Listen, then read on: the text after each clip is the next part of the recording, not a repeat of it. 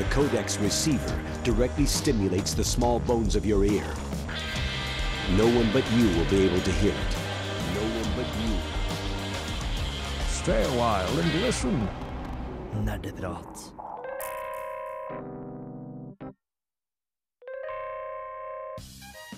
Velkommen til Nerdeprat, eller skal vi rettere kalle det Nerdequiz. For i dag så er det quiz alt som gjelder. Vi skal ta og ha diverse forskjellige kategorier om spill, om alt mulig rart, og dere Bård! skal Bård! Bård! Bård! Ja, Chris? Ja, Chris? Skal vi ikke ha sånn intro først? Eller nyheter, eller noen ting? Er det, sp er det spørsmålet med i quizen? Oi! Ah. Oi! Ja, OK, da. Greit nok. Får jeg poeng for det? Nei, det får du ikke poeng for. Det, du avbryter monologer får du ikke poeng for, Chris. Men du har rett. Vi er fremdeles uh, nerdeprat, så når det quiz får ta og vente til litt etterpå. Så uh, hva er vi vanligvis begynner med igjen? Det er ikke lynrunden. Introduksjon. Er du, har du, hva skjer da, Bård? Du har har- alltid vært med, og så har du glemt åssen det foregår.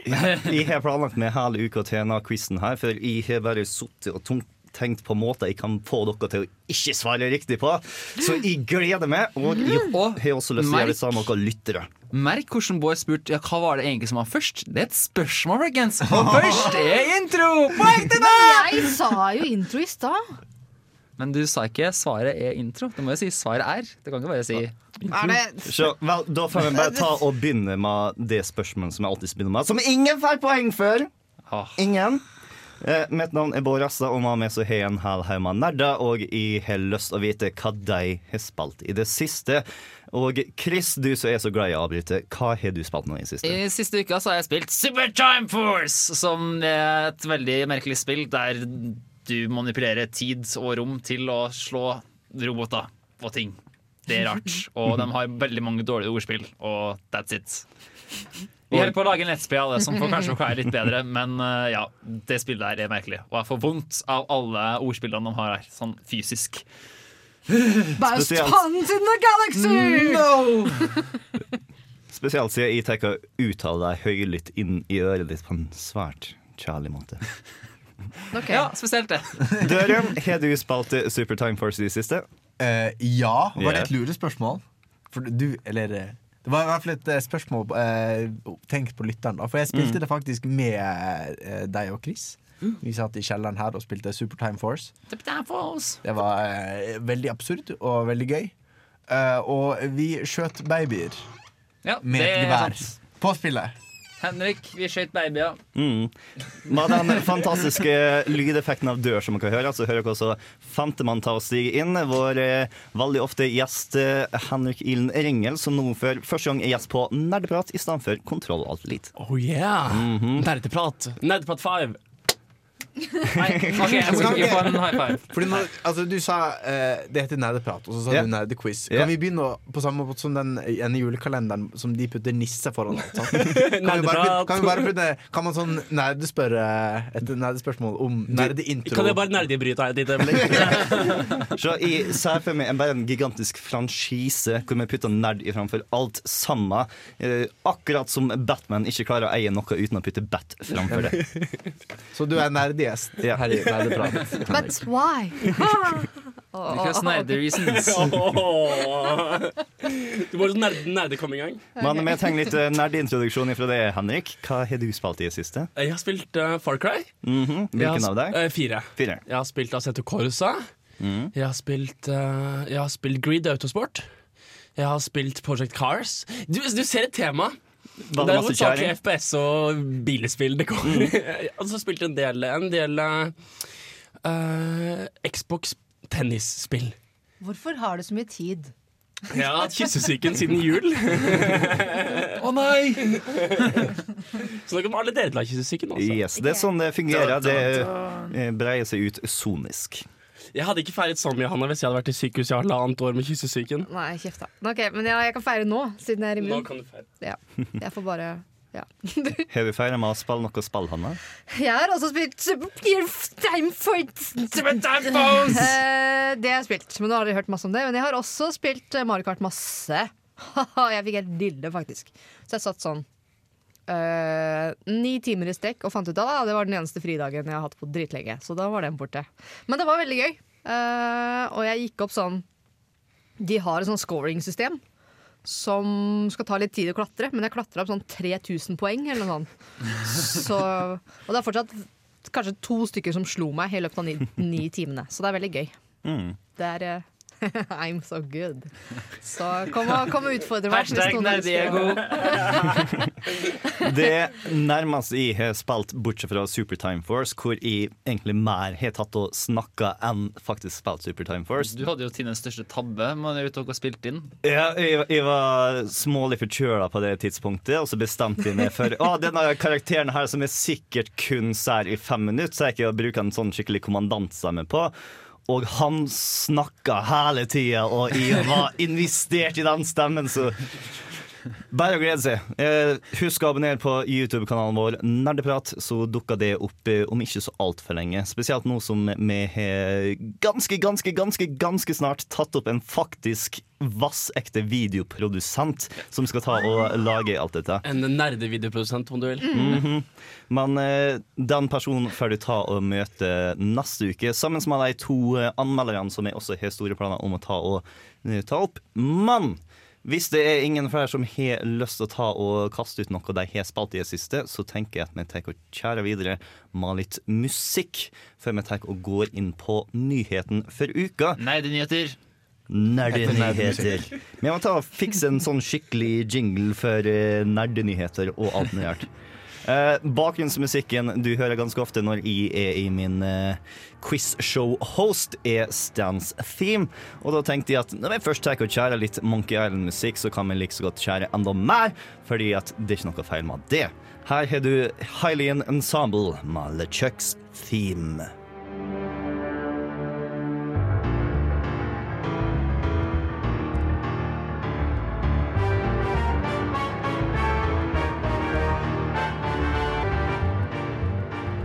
Hylian Ensemble med LeChucks Theme ifra Monkey Island, hørte du der. Og eh, det som var den store nyheten denne uka her, er sånn som jeg sa forrige uke, fordi at det skjedde mer eller mindre samtidig da har sending, at eh, Microsoft skulle holde en større event for Windows 10. Men det var ikke bare Windows det var snakk om, det var veldig masse av fremtidsplanen til Microsoft. Og eh, du har lest litt opp på dette, Dørum. Ja, det har jeg. Eh, Jeg vet ikke helt hvor jeg skal begynne. Altså, eh, Det perspektivet jeg ofte tar, er jo litt sånn PC-perspektivet. Og det er jo ganske relevant når det er Microsoft som prater. Microsoft snakket mye om sine planer for hvordan PC, altså da Microsoft Windows 10 For det, det nye operativsystemet kommer nå. De bare hoppet over De- ni, for de de var kule. Kanskje, altså, for de har 8,1. Nei, Begrunnelsen deres Begrunnelsen at de hoppa over 9, var for at det var så revolusjonerende at de hoppa over et tall. Wow. Jeg har også hørt en hel haug med forklaring om at det er altså 95 og 98 Windowsene sine som gjør at det blir litt forvirrende, så da bare forvirrer de oss enda mindre med å hoppe over et tall. Så way to go, Microsoft. Ja, ja. 10 er et fint og rundt tall, og det gikk, altså, de gikk fra eh, Xbox 360 til Xbox 1, så der var det jo minus 359. Yeah. Så den rekkefølgen har ikke så mye å si. Altså OS X10 har jo vært sinnssykt lenge, og de har vel sett at det har fungert. Da. Ja, 10, Jeg 10, 10. har faktisk en liten sånn Macburn, ja. Nei, nei jeg, jeg prøvde å eh, fange opp vitsen, jeg fikk det ikke til. Eh, men i hvert fall, eh, Windows 10 kommer, eh, og der skal det være mer integrasjon med Xbox One, eller Xbone. Eh, så blant annet Xbox Live kommer til å være på både Windows og Xbox, og du må ikke ha en Xbox for å ha Windows Live. Nei, Xbox Live. Så du har liksom samme venner og sånn på et felles ting. Kanskje det er Microsoft sitt forsøk på å ta liksom Steam sin sosiale komponent. Prøve å få den litt tilbake. Tenker er skikkelig burn på Sony år, ja, tenker jeg. Eller, Mm. Jeg tenker det skal være en litt sånn burn på Ja. hvorfor du skal velge Xboxen og ikke PlayStation-ting. Ja, fordi da får du det på en dat datamaskinen din òg. Ja. Ja. ja, jeg tror nok det. Altså, der har Microsoft en fordel overfor sånn at de har både en konsoll og et operativsystem. Så, de, Ja. de, så de prøver, det er nok litt det, det som går her, at de prøver å spille på styrken at de har en Ja.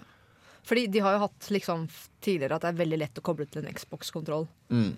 Til, eh, til Windows 8. Mens det har vært litt sånn mer keitete med PlayStation. Men det har absolutt latt seg gjøre, og når det først har satt det opp, så er det like godt. Ja. Men nå blir det litt mer tricky, da.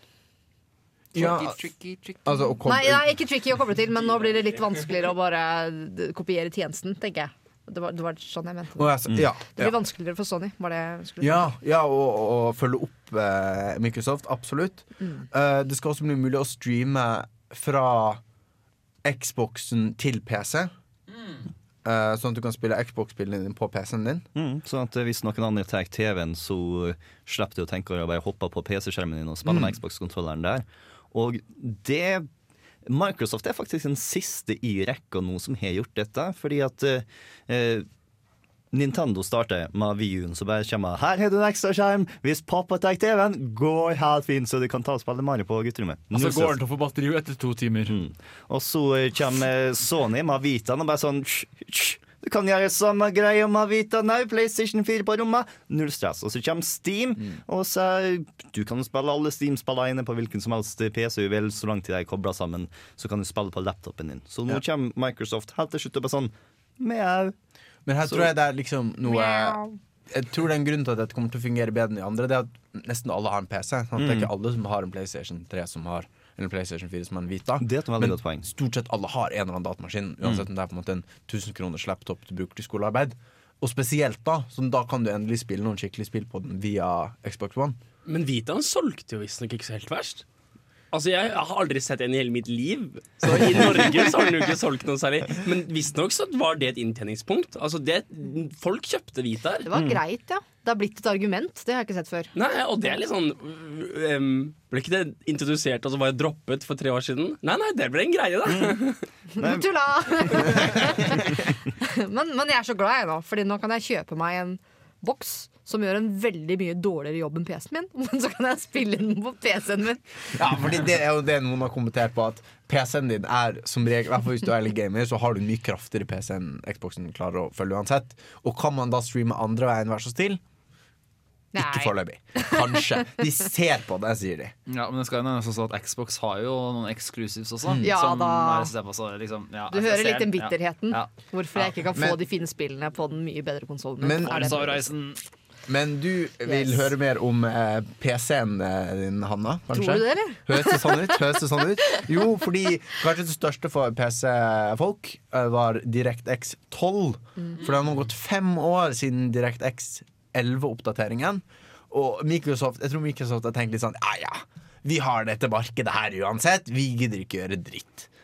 Eh, og så har de på en måte bare slappet litt av, og så nå har AMD blant annet begynt på Mantle, som er en sånn eh, konkurrerende grafikkdriver. Nå er jeg litt redd for å på en måte rote meg bort i det tekniske her, men det er på en måte en ja, hva skal si En måte at eh, grafikkortet ditt og sånn kan snakke med spillene, sånn at du får juice ut av eh, grafikkortet ditt.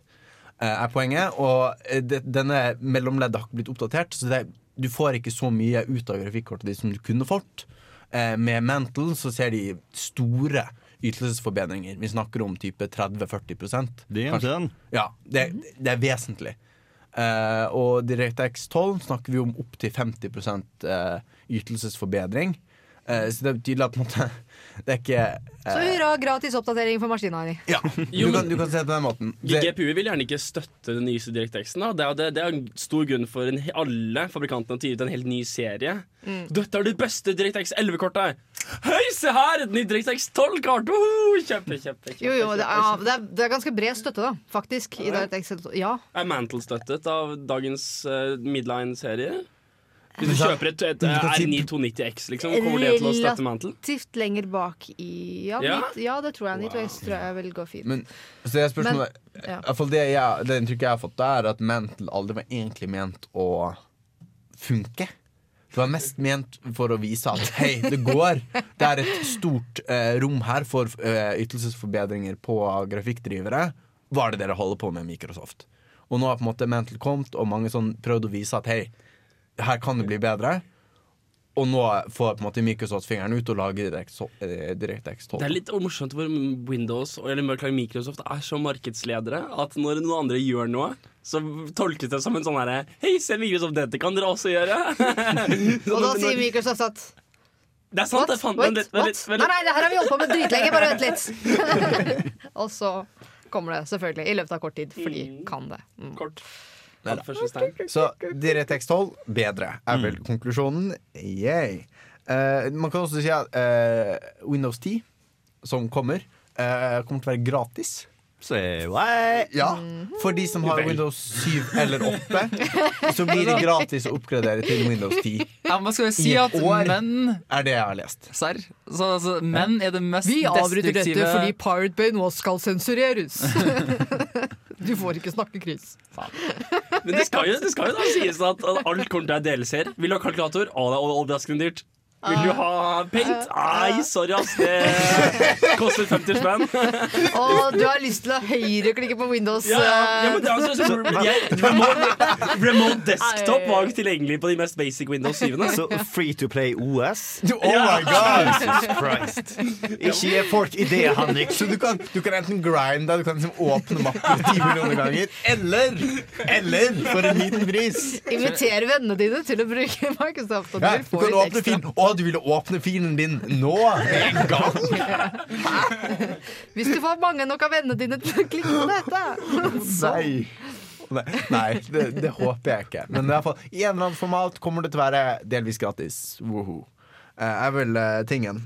Det kan jo være til å nevne også at jeg kopierer litt eh, fra Max sin stil også. Er.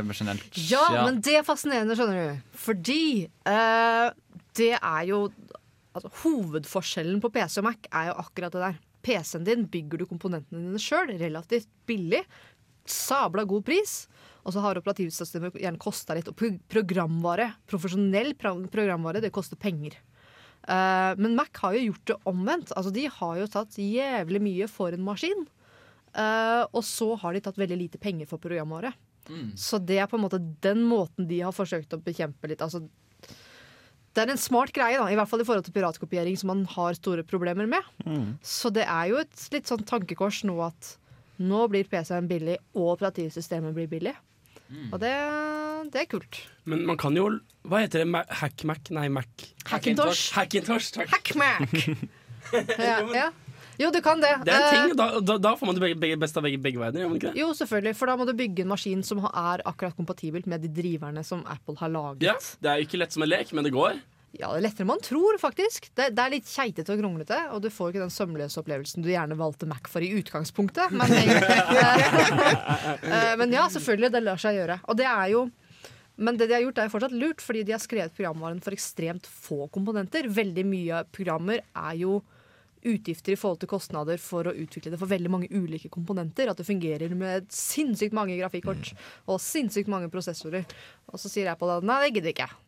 Men du får bruke akkurat det her, og så skal vi lage det billig for deg. Det kan jo være nytt, da Vi ser jo opp gjennom historien at uh, for eksempel CPU-er, for å ta det veldig grunnleggende Vil du ha, Hvis de skal, liksom, ha- skal ha instruksjonssett til de siste seks generasjonene bakover, så blir det jo veldig stort og tungt og lite effektivt. Så det er jo en god filosofi egentlig å tvinge uh, brukermengden din til å oppdatere seg litt. Ja, det er i hvert fall en helt annen mentalitet. Altså smak behag, og rumpe er som leken.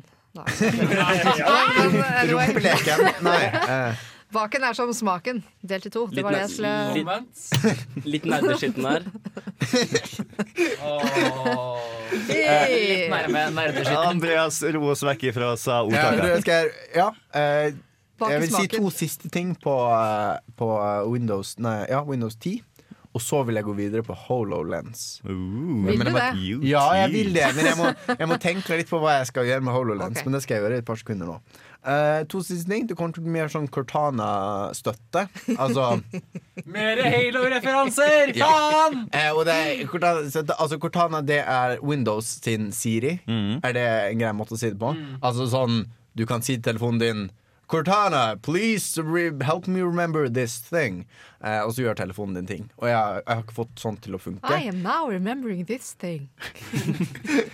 Jeg, altså jeg, jeg, jeg prøvde å bruke Google Talk, eller hva, hva det heter. Altså Ja. Google sin, eh, sin speak-greie. og det fungerer av og til. Det tar veldig mye lengre tid enn å bare skrive det med en gang. Eh, men hvis du liker Cortana, så kommer nå Cortana til datamaskinen din. Altså, jeg har lyst på en sånn greie som har At du liksom kan ha en sånn AI da som har personlighet. Så du kan ha sånn skikkelig frekk. Bare sånn fuck you, do it yourself, liksom, når du spør om noe. Litt sånn Just fucking Men nå er det nå jeg skal komme med konspirasjonsteorien min. Oi, ja, for du hadde en konspirasjonsteori. Uh, I all hemmelighet så har Apple kjøpt opp Microsoft. Det er helt sant. Var det, var det alt? Det var den minst gjennomarbeidede konspirasjonsteorien i mitt liv. Cortana Nei, jo. Jo, Cortana, Cortana, kommer til IOS av en eller annen underlig grunn. Og jeg klarer ikke å få brikkene til å gå sammen. For hvorfor i alle dager driver Microsoft og gir penger til Apple? Det kommer til å koste penger? i Apple Store, og så kommer folk til å kjøpe det i Apple Store, og så kommer det til å gå rett til Apple. Så hva er det de tenker på? Hvorfor skal de gi bort noe som de er Fordi så stolte av Fordi at du tar og putter Cortana på samme plattformen som Siri er, og så har du valget mellom de to, og så velger du Microsoft-produktet. Fordi at Microsoft-produktet er bedre, og du husker neste gang du har et valg mellom et Apple-produkt og et Microsoft-produkt. Så kjøper du Apple-produktet med det gode Microsoft-produktet Nei, fordi antageligvis Som, eh, altså, Office-pakken er jo på Mac. Antageligvis så vil jo, vil jo denne, og denne da Microsoft Cortana-stemmen antageligvis lede deg inn på Bing og, og liksom, Altså Den vil lede deg til Microsoft-produkter. Det er som en spion Men- som sier 'Å, du, men vi burde kjøpe fra denne fabrikanten'. Office-pakken ble laget da Office hadde et samarbeid med Apple før det ble en PC-greie. Så det blir noe annet igjen. Det var jo en Stemmer Har ikke, har ikke Microsoft. Office alltid vært en Microsoft-greie? Jo, men det, var, det er en tid hvor de ikke var bitre fiender. Mener du det sånn var 70-tallet? Det var på, på Ja. Da Jobs og da, Ja, ja, men Microsoft-pakken Microsoft, altså, lages fortsatt. Dette var da 20 år før noen kom på at iPhone kunne bli Nei! Jo, ja, nei, men uh, nei, Mac og Office, da. At Office i utgangspunktet Ja, ja. Men altså, Utviklet. eh, IOS-oppdateringen av Office kommer før Windows Phone-oppdateringen. Altså. Nei, det Microsoft- jo, Jo. Altså, Microsoft- nyeste versjonen av Office er jo ikke på Mac-en engang. Nei, på, på, altså, til mobil. Altså IOS og Windows sånn. Phone. Ja, ok. Den kommer først i IOS. det er For, sant. for det der folk er, og det, jeg tror kanskje det er det Microsoft begynner å innse. At man tenker, ok, folk bruker Apple. Kanskje vi bør lage software til Apple, da. And the plot. Har du en eh, siste ting på Windows 10? En siste ting på Windows 10. Eh, Cortana skal eh, puttes inn i en browser som ikke er Internett Explorer. Wow! Men som heter Spartan. Herregud. Fordi alt Enda skal en være kult. Halo-referanse!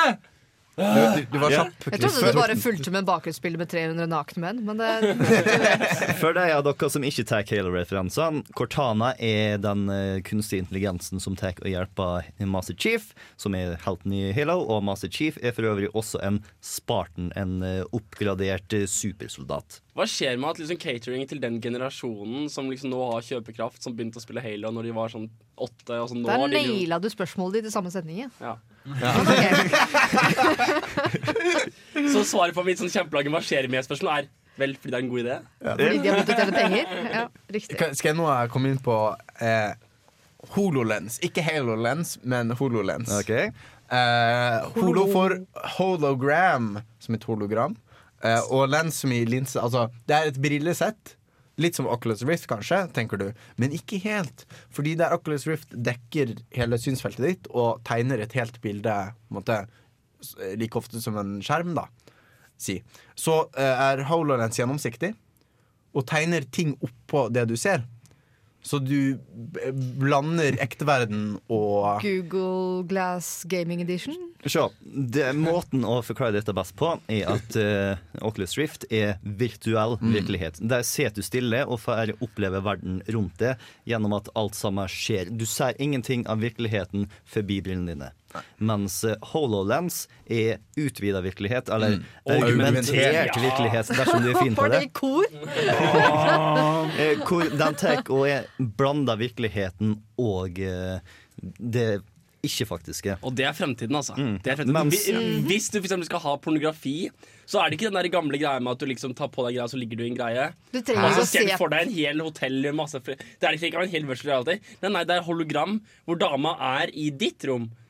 Og da blander du virkeligheten og fantasi. Men du trenger ikke å se på henne lenger. Du kan bare gjøre henne til noe du har mer lyst til å se på. Hva, hva er det? Og det er interessant å legge hologrammet oppå den dama du er med. å vi var visst ikke et pornoprogram. Så jeg tror Og, og bare for å gå videre på begrepet Til tross for at det heter HoloLens, så er det faktisk ikke hologram. For hologram er lys som skaper tredimensjonale bilder. Dette er ikke det. Dette er du som ser gjennom noen linser, så ingen andre i rommet ser det du ser, med mindre de har på det samme det er, linsen. det er en skjerm. De ser det ikke speilvendt på deg, på en måte? da Nei. Og til slutt, eh, Google Glasses er kun en overlay med informasjon og ikke faktisk argumentert virkelighet. Det er som om du tar og alltid kunne ta og se på smarttelefonen din mens du går. Med mindre du går helt opp til en tavle med Google Glassen. Slik at det ser ut som om teksten er på tavlen. Da er Google Glass Ja, augmented reality. Fordi Det Halo Lens gjør, for eksempel, er at kanskje du har et bord, og så tegner eh, HoloLens en ting som er oppå bordet, og så kan den tegne ting som står på tavlen på veggen ved siden av deg. At den tegner ting oppå ting som er i virkeligheten. Da Da. må den ha jævlig mye sensorer. Ja, og den er, ok Men, men HoloLens er én av to ting. Enten så er det framtiden fucking crazy banana awesome, og så kommer den til å revolusjonere hele verden, og så blir det det beste som er lagd ever. Eller så er det bare en oversolgt, klumpete Google Glass-ting. Og jeg klarer ikke å bestemme hvilken av de For det er en av de to. Men uansett hva det viser seg å være, så er denne utviklingen og kontinuerlig forsøker på å kommersialisere sånn teknologi er utrolig kult. Ja. Så selv om det flopper som faen, så er det Vi beveger oss mot noe skikkelig fett. Ja. Det jeg synes er veldig interessant, er at den teknologien som ligger til grunn for HoloLens, ikke den som argumenterer, men den som tar og mottar verden og dine signaler og sånt, er vi faktisk veldig godt kjent med. Fordi det er Kinect. Du De to kameraene som tar og oppdager verden rundt det, og som lar deg ta og putte ting dit nå, og som tar og ser hendene dine, som du tar og kontrollerer med, og som tar og hører stemmen din, som du kontrollerer med. Og Altså- som overvåker deg på natta når du, ikke, når du tror du har skrudd av Xbox-kontrollen, men så har du ikke det. Ja, alle de er Kinect, videreført i en kanskje bedre form enn det den var før. Fordi at i stedet for at den står stille, og plutselig så er kaffebordet i veien og alt sammen er ødelagt, så er det alltid på hodet ditt, alltid der den er mest nyttig. Eh, Spørsmål. Er det sånn type hvor For dette innebærer jo at man må gjenkjenne om- omgivelsene. Si Hvis jeg hadde sett for meg noe som skulle stått på bordet, som egentlig ikke er der, gjennom disse brillene, og så hadde jeg flyttet blikket mitt, så ville det jo blitt med. Er det sånn at jeg kjenner igjen og liksom, det blir værende? Ja, det blir værende der. Den For det er jo hele greia, ja, liksom. mm. Ja, for den vet hvor ting er. Så den, da står den tingen på det bordet, og så ser du bak, og så kan du holde på med noe annet, så kan du komme tilbake, og så står den fortsatt på det bordet. Og det du gjør, er på en måte å utnytte mange av de evnene som mennesker har, nemlig å huske hvor du putter ting, og sånt som det. Og, men kan kombinere det med på en måte at en datamaskin kan lagre uendelig tusen dokumenter. ikke sant? Men pluss at det er jo da ja, Hanna, for deg som er redd for å miste ting i denne Det var hele det der mulighetens marked. Og dere snakker om det, det blir så, det er så sinnssykt mange ting. Du kan gjøre. bare Yes, jeg kommer til å huske hvor jeg la nøklene mine. Det er liksom. et godt poeng. Da skal du få sånne her guidede piler. Ja, ja. Det er jo dritsmart.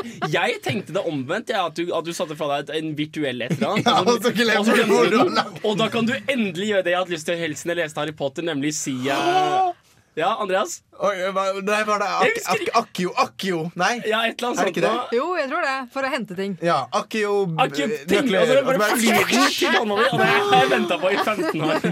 Nå kommer det. Det kommer så nytt Harry Potter-spill når den teknologien der nails. Ja. Men så blir jo den illusjonen brutt med en gang du prøver å ta den, og så oi.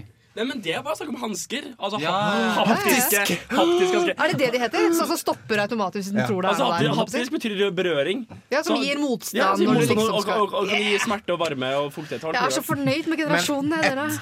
Spørsmål som dominerer om dette blir brukt, det er hvor dust ser du ut med sånne briller på. Det er jo det, er jo det viktigste. Og de ser, jeg kan melde, de ser mindre dust ut enn Google Glass. De gjør det? Ja, de gjør det er det. De ser litt sånn De ser litt for sånn uh, woo, sci-fi ut til at folk kan bruke de når som helst, men det er sånn, de ser ikke så dumme ut. Sånn sakskommentar til om det her ser for dumt ut, så vil jeg si nei. For at Nintendo Wii var jo en superselger, og du så ut som en jævla dust når du satt og spilte med kompisen din og spilte tennis, og du så bakfra. Men én ting er å se dust ut i din egen stue. Ja, vel, det, det Så langt så har alt de har vist av HoloLens vært designet til din egen stue. Du liksom, Det har ikke vist noe enda hvor du burde ta dem ut. fordi at der er det Google Glass har masse mer tilrettelagt. Med mindre du tar og innebygger en hel haug informasjon i den faktiske virkeligheten som blir plukka opp av disse brillene, som kanskje skjer etter hvert, men som ikke kommer til å bli støtt noe særlig. Du bare ser på QR-kode akkurat nå. Det må være et marked der av folk som benytter seg av seg. så jeg antar at du ikke kommer til å se de første par årene med HoloLens. Hvis det her blir bra, så syns jeg de skal betale Nintendo noen ting. For å ha banet vei hvor folk har endelig blitt komfortable med å gjøre ting som det dustet ut i nærheten av hverandre. Ja, fordi Duck Hunt i 92 Det var the, epi, the epicenter of cool, liksom. Altså, jeg tenker um, Nei, nå glemte jeg det. Men du, dere, når kan vi ta og forvente å få HoloLenses? Det de har sagt er i løpet av Windows 10 sin levetid. Mm. Så den er etter noe som ikke er kommet ennå. Og mens den tingen som ennå ikke er kommet ennå, holder på å være en ting.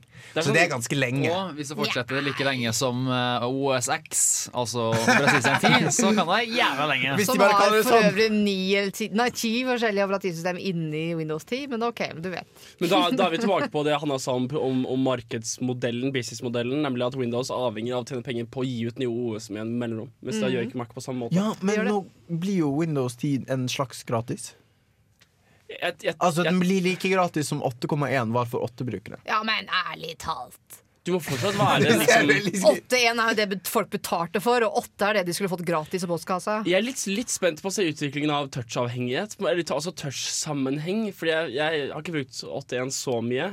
Men jeg har inntrykk av at hvis du er en erfaren shortcut-bruker på Windows, så er touchen bare liksom bare unødvendig. Hvorfor skulle du strekke deg frem og trykke på skjermen når du kan gjøre 17 operasjoner på samme tiden?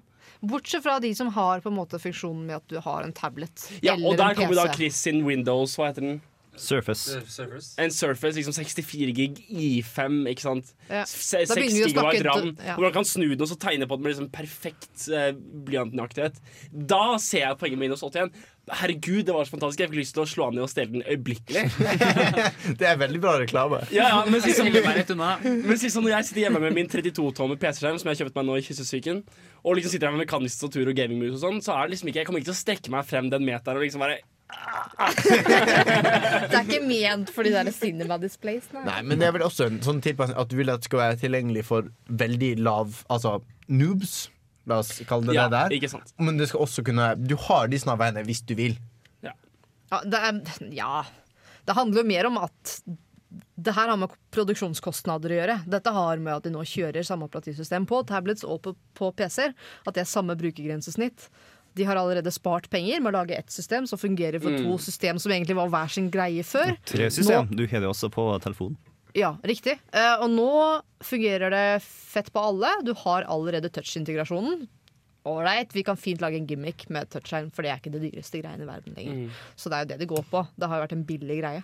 Og så har det begynt å gi mening med det. Med, med, med tablet sammen sammen med en laptop. Ja, men ok, Surface-operativsystemet ditt, er det vanlig Windows 8? Kjører full Windows 8,1. Det er ikke sånn et, et, et, Ikke RT eller noe sånt. Ja, fordi, okay, fordi Inntil nylig så var det sånn RT-shit. Ja, men altså, du har Surfacen, så har du Surface Pro-en som kjører 8,1 full. Å ja, så Surface kjører RT, men Surface Pro Ding, Ok, ding, da skjønner jeg. Da skjønner jeg. Altså, det er helt vilt hvor kraftig den tablet er. Det er helt sykt. Avslutningsvis så har jeg lyst til å ta og diskutere litt uh, spillmulighetene til HoloLens. For jeg syns vi burde komme litt inn på spill igjen. Ja. Jeg, nå, nå, vi skal bli et mer nerdeprogram, men vi lover at vi ikke skal bli en sånn derre tech- Denne tech-program. produktplasseringen var ikke sponset av Microsoft. Men hvis dere vil sponse oss Så, så har jeg ikke noe Windows Så kan akkurat kjøpe vår gjennom IOS. For det var en spillserie som folk er veldig godt kjent med, som ble vist gjennom HoloLens. Og hvilken var det? Tenker du på eh, Minecraft? Jeg tenker på Minecraft. Tenker du på Minecraft? Fordi det er vel, det er vel drømmen vi alle har hatt. Er det Ja. ikke? Å kunne leke med Lego, og så istedenfor å rydde, så bare trykker du liksom på lagre til senere. Ja! Det hadde vært insane. Dette er Lego som du ikke tråkker på med et uhell. Det når, Dette er Lego mora di ikke ber deg om å rydde opp. og så når, når du er ferdig å bygge vulkan, trykker på knapp, og så spruter den lava. Men det er Legoen du kan tråkke på hvis du vil. Hvis det er din greie, haptiske liksom. sokker. Sånne sokker som er sånn ah! Haptisk, haptisk rustning. Ja, full, full body armor. ja, altså, De viste en, en Minecraft-prototyp hvor du på en måte Du styrer med fingeren din. Og så liksom eh, trykker du ned eh, brikker. Eh, med den, altså En eh, teknisk begrensning som jeg ser at jeg har, er at du kan ikke legge hånden din Altså Hvis du legger hånden din foran det som Hordo viser, så, det, så vises det foran hånden din. Så hånden din synker bare inn i, inn i tingen. Det er død, dødsfett, da. Ja, men hvis det er noe som skal være på veggen bak deg, Ja. Og så er det foran hånden din når du øh, har hånden oppå Så det er, det er en, så en begrensning, da. Så du Det forsvinner ikke forsvinner vel eh, etter et par generasjoner, regner jeg Liksom, med. forhåpentligvis. Så du kan ikke liksom Men du kan ikke liksom gripe tingen og så liksom putte den på. Eh, altså- Du må liksom styre med fingeren sånn. Litt sånn Du kommer til å se ut som ah, Red Ram, Red Ram. eh, hva er det, hva er det Du er filmmannen, Henrik. Ikke si det, for The Shining. Ja, ja, men hva heter lille gutten i The Shining? Ja. Eh, Det er Ja. ikke Du kommer til å se ut som han lille gutten fra The Shining. shining guy! Det er lille Shining Guy. Shining Men jeg skulle spørre om En annen morsom når, når, når du sa Chris, når du sa holorustning, tenkte jeg virkelig på du har, fordi Andreas, du har allerede pratet om Medieval. Og det der, det der sverdslåssespillet du hadde. Det kan du ha, for det kan bare komme et sverd opp i hånda di, og så kan du slåss mot en annen person og ha på seg holebriller. Altså, Med altså, imaginære sverd. Guys, men er det, er det mer for Eller ja, fordi da kan du gjøre det med noen andre, og så Du kan det stå i stua di med light swords bare zzz. Så framtiden for larping er her, folkens. Ja. Men ikke for sånn, ikke for sånn sær grini i et hjørne larping. LARPing? Vel, Live action role playing. Ah, Og for øvrig, en annen spillsjanger som har gjort seg ypperlig med HoloLens, er skrekkspillet. Bare forestill Nei, Og nei, å nei, introdusere nei, monster er under faktisk senga di! Å nei, det er ikke morsomt. Altså, jeg Du får sett deg skikkelig slag i trynet og sånn, og det er, kjenner er du! liksom. Jeg skulle gjerne likt å se brettspill. Tenk hvis du kan kjøpe et faktisk liksom, brettspill som du kan putte på Det et er så bord. trivielt. Dere vil Eller gjøre ting dere kan gjøre Ja, virkeligheten. men Dere du vil kan, spille du, Lego du og kan spille alle og- brettspillene du vil! For liksom Du 20 trenger jo ikke kroner. kjøpe deg et brett. Du har jo hele som en virtuell greie. Nett, alt er, ja, nettopp. Du har det på et bord, da. Si. Et fysisk ditt stuebord. Trenger ikke det heller. Jeg trenger ikke hus! Alt er bare hologrammer. Jeg trenger ikke varme. Jeg hva kan, med Mortal Kombat Coop? skal du slå på folk? Jeg vet ikke. Ja, men det, er, det, er, det er derfor jeg tenkte at Medieval Warfare Eller sånne sånne våpenbaserte spill er bedre, for der har du ikke faktisk noe fysisk kontakt Ja. med kroppen. Du har ikke noen kropp mot kropp, kropp, kroppkontakt. Du, Mens du trenger ikke å banke inn i virkeligheten. Sånn. Kan, kan ikke folk bare slå på hverandre som i gamle dager? Jeg tror vi, vi, vi, Ja, kan holde på sånn her en evighet. Ja, jeg tror vi tar og setter strek dit. Dersom du har noen gode forslag til eh, spill i HoloLens, ta og send det inn til oss på nerdeprat etter radiorevolt.no. Eh, og nå skal vi ta og bevege oss inn på nerdequiz. Så det som har skjedd her i studio, er at alle sammen har tatt eh, og fått utdelt penn og papir. Og dersom du der hjemme har lyst til å delta, bare for å se hvor mange poeng du kan få, og eh, om du slår noen i studio, finn tak i penn og papir nå. Dersom du har muligheten til å trykke på pause, gjerne gjør det.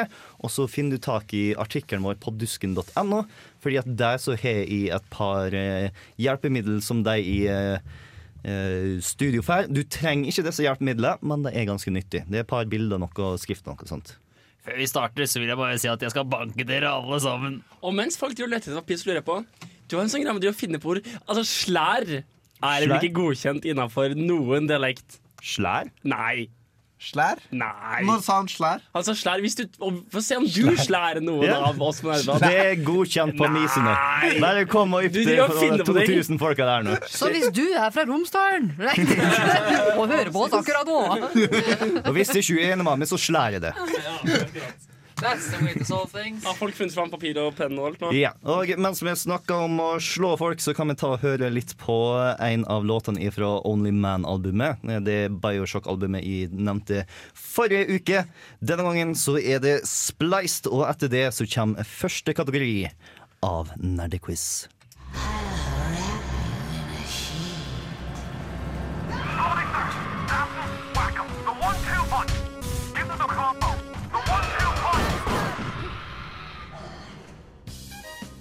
Velkommen til første kategori av Nerdquiz. Denne kategorien har tittelen Rated M for Mature. Her får dere utdelt tre begrunnelser fra Entertainment Software Rating Board, eller ESRB, for hvorfor akkurat disse spillene fikk aldersgrensen M for Mature i Amerika. Alle de tre spillene i denne kategorien kom ut i 2014. Delvis slik at de skulle være friskt i folks minne, og delvis fordi at de ikke gadd å gå lenger tilbake i ESRBs arkiv. Deltakernes oppgave i denne kategorien er å tolke seg fram til hvilket voksenspill ESRB beskriver i sine begrunnelser. Den første av disse får du her. This is an action game. Players use hand to hand combat, pistols, giant sights, axes, and magic to kill enemy creatures. Players can also perform various finishing moves which depict exaggerated and intense acts of violence. enemies thrown into spinning spiked wheels, characters decapitated by a guillotine, a dragon ripping characters apart. Large blood splatter effects and gore can be seen frequently. During the course of the game, some female characters perform suggestive taunts and poses. Examples given opening their legs and dancing on poles. Outfits are occasionally shed during battle, with characters' breasts and buttocks partially exposed. The words fuck and shit appear in dialogue. Første spill er dermed et actionspill med magi, lugubre avslutningsmanøvrer og til tider utildekkede bryster og rumper. La oss nå se hvorfor barn ikke burde ta spillet spill nummer to. This is a first-person shooter. Players use pistols, machine guns, grenade launchers, and shotguns to kill human soldiers and various robot like entities. Combat can be frantic at times, highlighted by the cries of pain and realistic gunfire.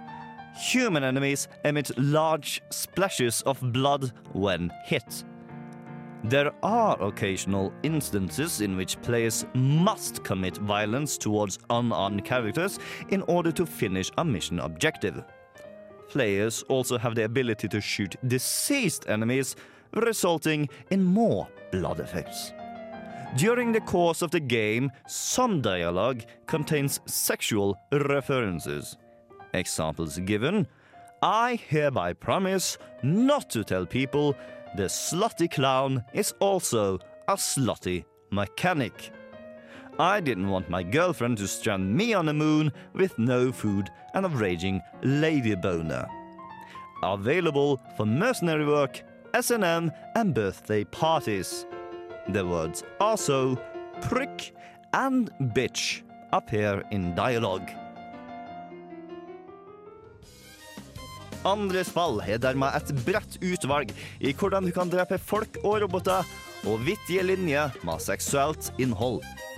Da gjenstår det å se om vårt siste spill er like hyggelig å spille framfor mamma. This is a third person shooter. From first and third person perspectives, players use machine guns, scope rifles, trip mines, and grenades to kill enemy soldiers and complete mission objectives. Players employ stealth tactics to dispatch enemies from various ranges. Examples given crouching behind rubble to take a shot, and sneaking up and stabbing enemies. Firefights are highlighted by screams of pain, realistic gunfire, explosions, and large splashes of blood. Performing accurate shots sometimes trigger a kill cam, which follows the bullet in slow motion to its intended target. These sequences depict X ray views of enemies' bones, ligaments, and organs shattering and or bursting apart. The word shit can be heard in the dialogue. Det siste spillet lot de dermed snikdrepe folk fra alle slags distanser med et spektakulært killcam som gjør det intimt kjent med dine ofre. Men hvor kjent er du med spillene som nå har blitt beskrevet? For de av dere som hører oss på podkast, så får de i studio nå to og et halvt minutt med betenkningstid mens vi spiller av låten Mike Tysons Punch-Out, som spilt inn av Walt Ribiero. Om du vil bli med og spille, så kan du trykke på pause i like lang tid.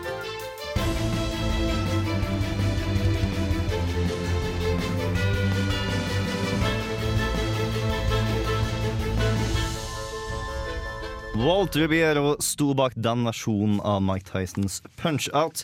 Musikkvideoen er for øvrig absolutt verdt å ta og sjekke ut. Ned med pennen, Hanna.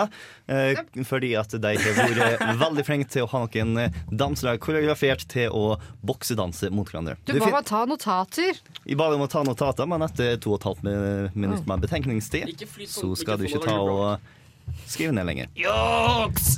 Du finner denne musikkvideoen på YouTube-kanalen vår eh, Nerdeprat, hvor vi hver uke tar og legger ut en spilleliste med all spillmusikken vår. Så før denne låta så hørte vi M, Rated M for Mature, hvor dere fikk tre forskjellige spill som har aldersgrensen M, som er mellom 18 års aldersgrense her i Norge. Eh, er det noen som beit seg fast i noe på første spill, som inneholdt magi, eh, diverse drapsformer og eh, rumpe? Ja, altså, for Jo mer og mer jeg tenker på det, så er det litt sånn Det er litt slåssing, det er litt magi, og det er litt sånn eh, Det var ikke liksom nakenhet sånn sett. Det var liksom ikke snakk om folk som gjorde ting mens de var nakne. De var bare tilfeldigvis litt nakne mens de slåss. Sånt som skjer? Eh, og da tenker jeg dette er japansk. Mhm. Fordi japanere liker sånt. De, av en eller annen grunn så liker de ikke folk som på en måte er hva skulle si, seksuelle subjekter. De liker ikke folk som gjør liksom Nå skal jeg kle av meg klærne for jeg skal ha liksom sex eller noe sånt. Fordi sånt gjør voksne mennesker. De er bare sånn små jenter som tilfeldigvis har litt for lite klær på seg, og sikkert fryser veldig. Eh, men, Jævlig upraktisk i krig da. også, egentlig. ja, ja, men det er litt sånn Men nei da, de, de bare viser masse pupp og sånn. Fordi det- sånt gjør japanere. Og det er litt sånn actionspill. Det var liksom ikke et eh, first person shooter, eller sånn, det var actionspill. Så jeg tenker det er noe japansk noe. Okay. Eh, mer enn det Jeg har ikke så god peil på japanske spill. Men altså, ikke så ofte jeg hører fuck og alle de banneordene de nevnte. Det, det kasta meg litt av sporet. Ja, det er sant. Hanna, du så ut som at du fikk et lite eureka-øyeblikk. Du kan ikke skrive, Hanna!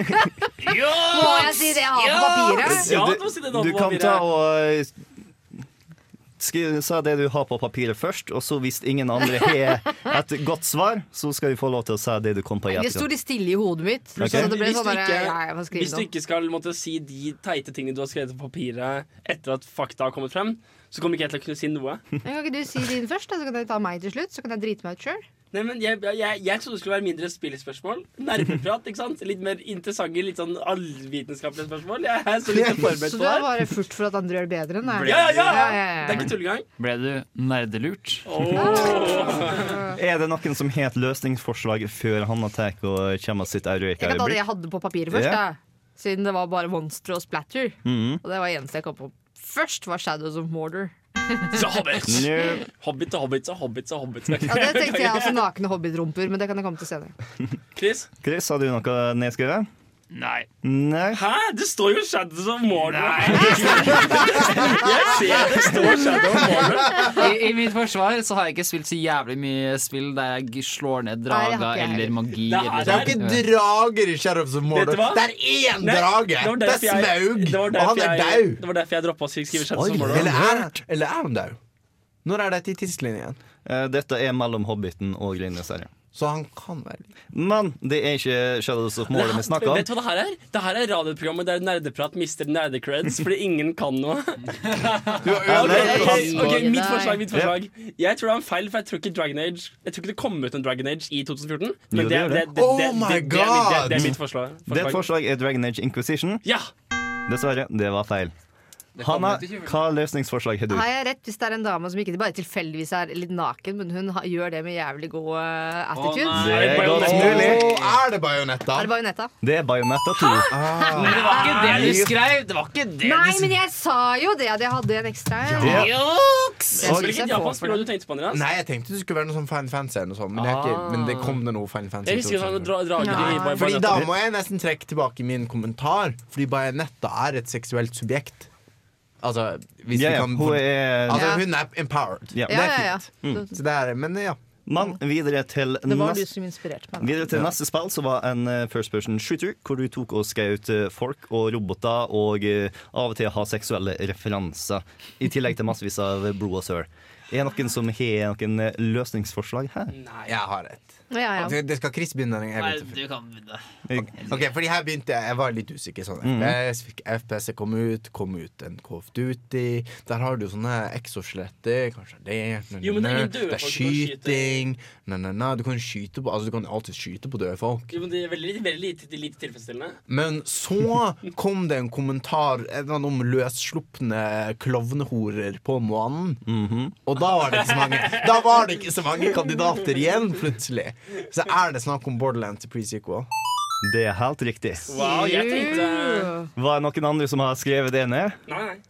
Chris, hva har du skrevet ned? Fordi at du anmeldte. Borderlands i pre-sequel. la meg, la meg er La meg sannsynligvis lese, den eneste i et det. studio På lappen, som på burde vite lappen dette. Chris så står det Wolfenstein The New Order. Hvilket jeg syns var et godt forslag. Ja, det var ikke så verst. Det var ikke det verst. Ja, det var en liten Pony Robot Unicorn Edition. Men det gir mer Fordi jeg hørte var shit, så hvilket er normalt når det er pony. Og jeg hørte robots. Men robot. Slutty Clown Det er ganske mye Nei, det var pole dancing. Ja, men det er Slutty. Clown var inni der. Det var Ja. Det var det. Så var der, det var liksom der Mm, Slutty Clown. Så da er det ett poeng til dere og ett poeng til han, med mindre det var noen andre som har skrevet ned The Pre-Sequel. Og da har vi den siste spillet, som var et snikespill med et killcam med svært spektakulær X-ray og alt mulig rart. Er det noen som har et løsningsforslag Sniper litt, sniper litt. Skjer med å spoile Men hvilken Sniper Elite? V3. Faen. Er det tre? Fordi jeg- jeg Er det skrev firer? Det finnes ingen fire. Det Nei. finnes en kun en treer. Men Tre. Det Chris her var du jævlig dårlig på. Ja, så det her tenker vi å det- bygge meg opp med å gå på detaljer og bare ha underholdning for folk, og det å kaste ut Her skulle, jeg, her skulle jeg komme med anekdoten om at uh, du kan skyte testiklene til Hitler i toeren. Yeah. Var ikke det her en quiz? Skal Jo. ikke du si svaret? Det er også et radioprogram Nei, for nå må dere publikum. slutte å være teite. Fikk jeg rett? Du fikk rett, Jeg men fikk også Hvorfor får jeg ikke jingle? fordi at du gjorde det på en slik en liten spektakulær måte at det ikke trenger å hjelpe dem å gjøre det mer spektakulært. Hvis du har noe du ville sagt om Chris sin deltakelse i quizprogrammet, så kan du sende en mail til En nerdemail. En nerdemail til nerdat. Radiovolt.no. Okay. Det burde du vite. Men hvem andre hadde Sniper Elite Det 3? er Meg, alle. sammen meg, meg, meg. Alle sammen Du har hadde ikke Sniper din løgner! Folk jukser så jævlig her. Det er sånn kompetitive delen av Jeg eh, hadde endelig fått et riktig svar, og så jukser han. Men det er fordi det er det som er god radio. Nei, jeg, jeg hadde ikke det. Ah. Så det å si svaret er dårlig radio, men det å ljuge Nei. Vet du hva, du har vært med på det her i et år. Skal jeg nå svare på det på radio? Nei. Men da setter vi strek der. Nå har alle sammen ett poeng, bortsett fra Dørum, som har to poeng. Og vi går videre til neste eh, kategori etter at vi tar og hører nok en Punch-Out-låt. Denne gangen så er det Starbomb som har en originallåt med navnet Glass Joes Title Fight fra den nyeste albumet. her. Bonjour, hello, my name is Glass Joe. I'm the toughest French boxer that you're ever gonna know. Score TKO, then drink a fine Bordeaux, and flatten all my opponents like croissant dough. Velkommen til andre kategori av Nerdiquiz. Denne gangen under tittelen Hjelp, med oversetta til norsk. Som de våkne blant dere kanskje forstår, så har jeg oversatt noe til norsk. Og denne gangen er det spilltitler. Det varierer ganske kraftig hvor direkte eller indirekte jeg har oversatt disse titlene. Jeg har også tatt med den kreative friheten til å utnytte synonymer, metaforer, poesi og nynorsk der jeg føler for det, så dette kan lett bli vrient. Reglene er enkle. Finn ut hvilken spilltittel jeg har hatt det moro med. Du får bonuspoeng dersom du klarer å komme med en annen spilltittel som også gir fullstendig mening med den samme oversettelsen. Men da må du ha klart å finne det faktiske svaret først for å få det poenget. Og vi kan hinte med at alle disse spillene var å finne i Game Trondheim sine spillhyller sist lørdag, da jeg underholdt meg sjøl med å dikte opp disse oversettelsene. Vi starta lett og ledig med en tittel som raskt kunne vært en 70-talls actionkomedie. Amfetaminavhengighet med snuten hakk i hæl. Det var Amfetaminavhengighet med snuten hakk i hæl. Den neste tittelen høres kanskje ut som et middelalderepos, men er det det? Trelldom. Den utrolige reisen mot solnedgangen. Trelldom. Den utrolige reisen mot solnedgangen. Vi fortsetter med titler som vagt høres ut som husmorporno. Odelsguttens beryktede yngre bror. Odelsguttens beryktede yngre bror.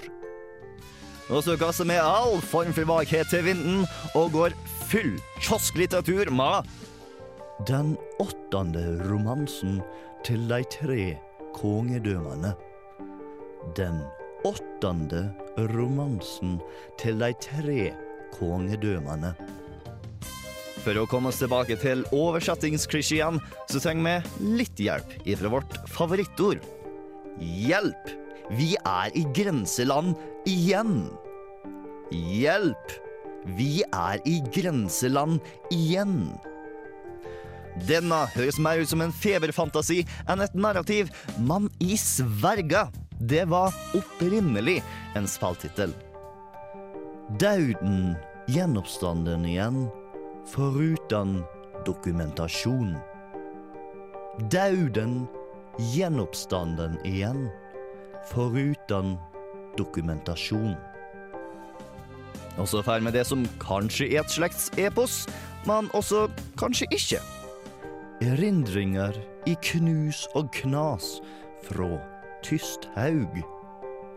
Erindringer i knus og knas fra Tysthaug. Og her til slutt så avslutter vi med min personlige favoritt. Dette er kanskje nærmere et dikt enn en spalttittel, men shitau. Einsam er ingen mann aleine ein hærstyrke. Gamal Eriks samansvergelse. Einsam er ingen mann aleine ein hærstykke.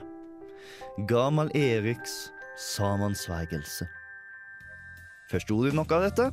Du skal i hvert fall få to og et halvt minutt med betenkningstid igjen. Denne gangen spiller vi av den overraskende gode låta The Lab fra det notorisk dårlige spillet Check Fu. Husk å pause dersom du hører på podkast og vil delta hjemme.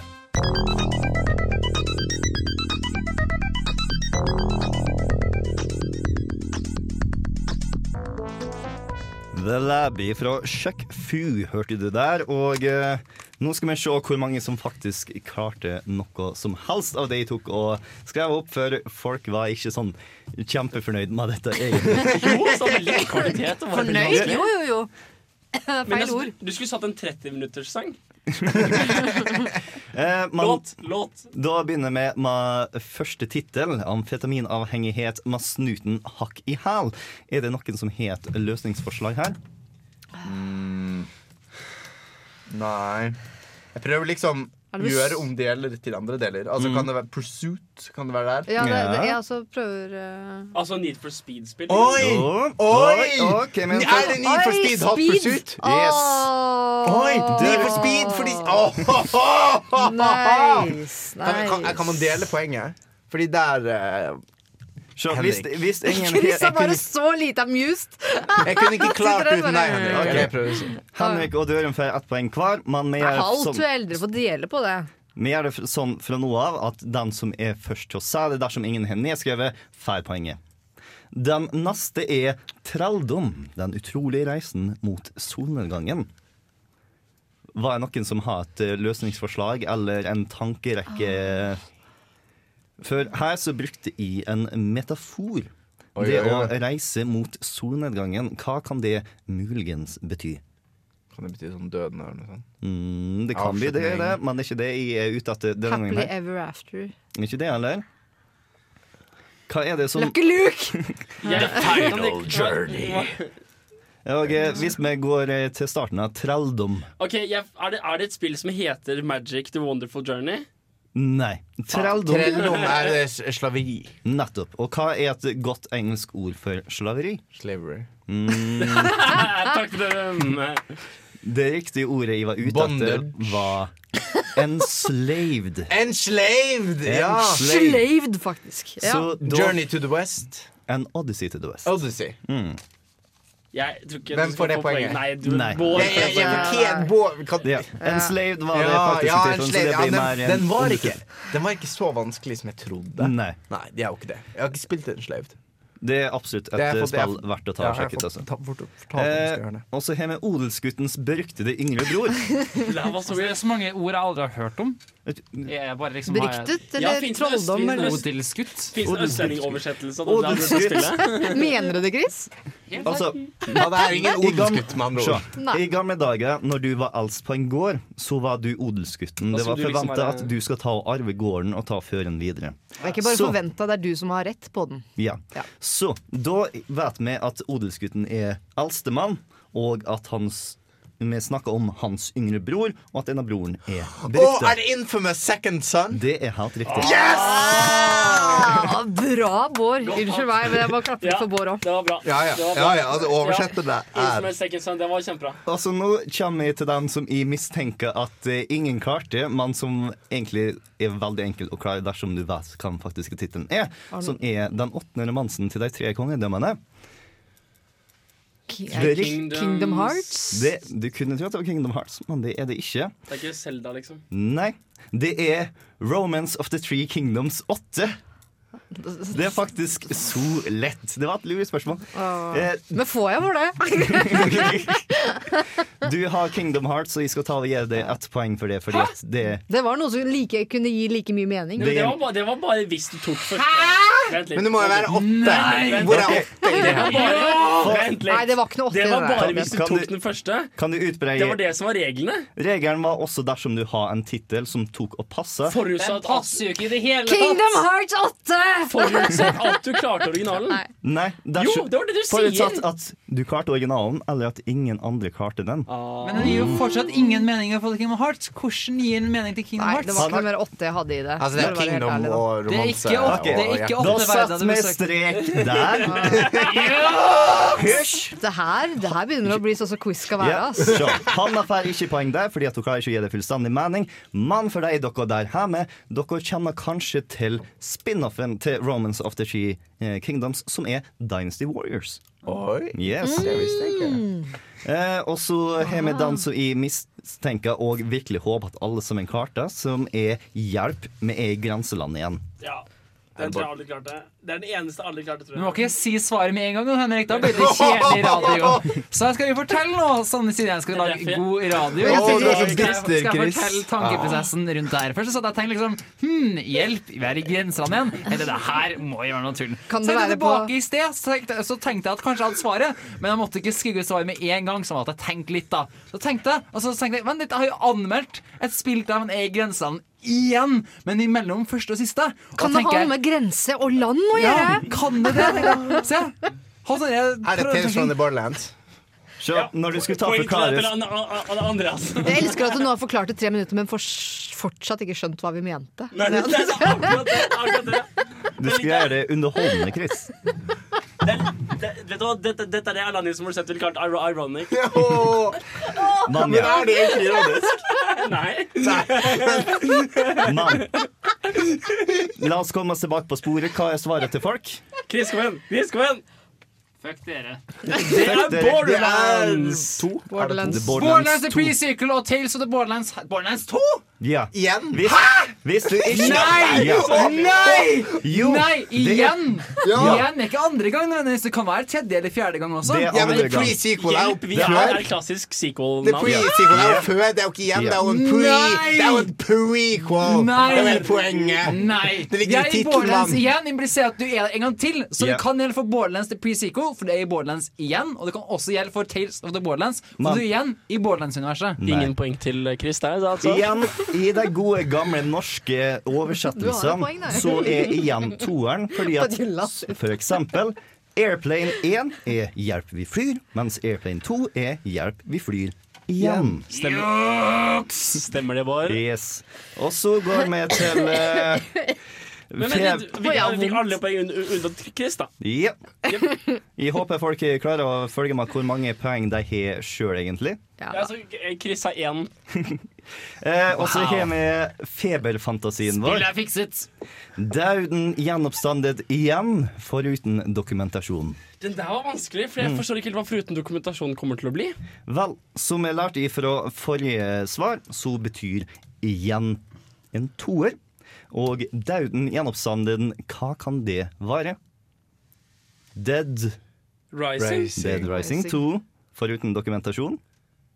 Og off the record. Yes. Så Nei, jeg tror ikke vi får for den, for å være ærlig. Eller?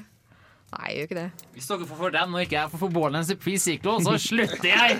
Jeg, jeg synes ikke vi får Er det, er det, er det, er det Nei, jeg må ikke si det. Det er sånn fjortissvar. Er du trussel eller Hvis ikke det holdt med bare Dead Rising, da. Det, det gjør det ikke. Nei. Eh, og så eh, går vi til erindringer i knus og knas fra Tysthaug. Den håper jeg at en del klarte.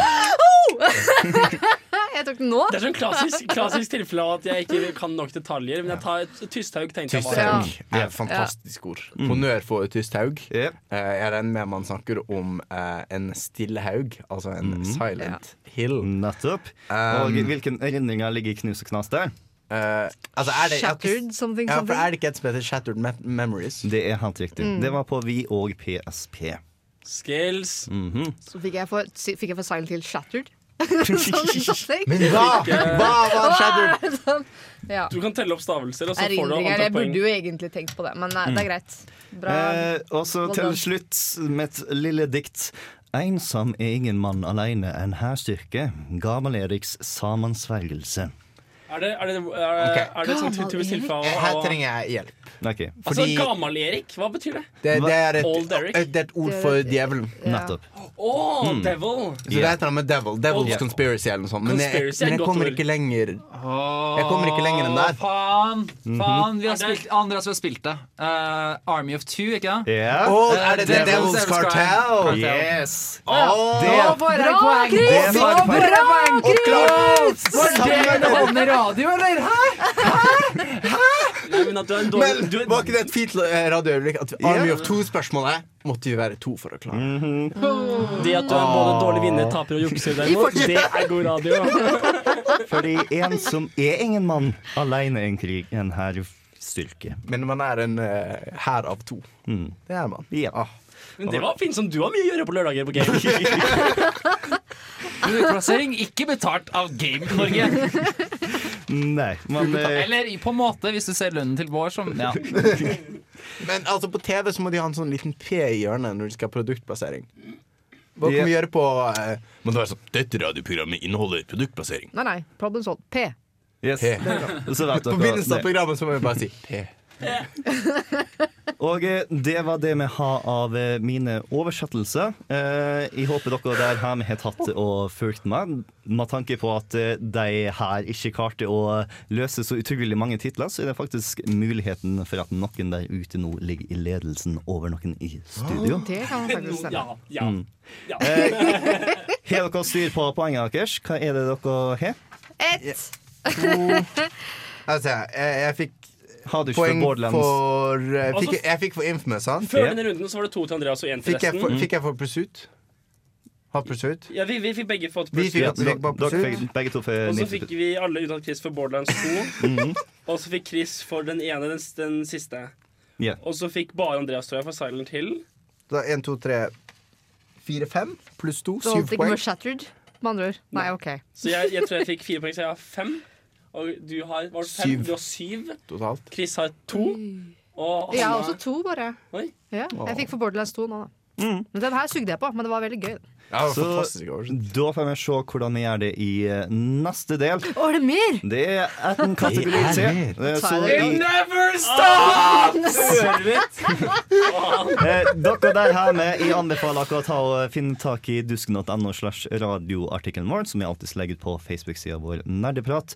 Eh, for der så kommer det til å være et par bilder som kan hjelpe dere. Det er ikke nødvendig, men det er fint å ha mens dere og tenker. I mellomtida så skal vi ta og selvfølgelig ha litt eh, musikk. Eh, Denne gangen så er det fra Street Fighter Tribute-albumet eh, låta 'Sangrif Stage' vi skal ta og høre på.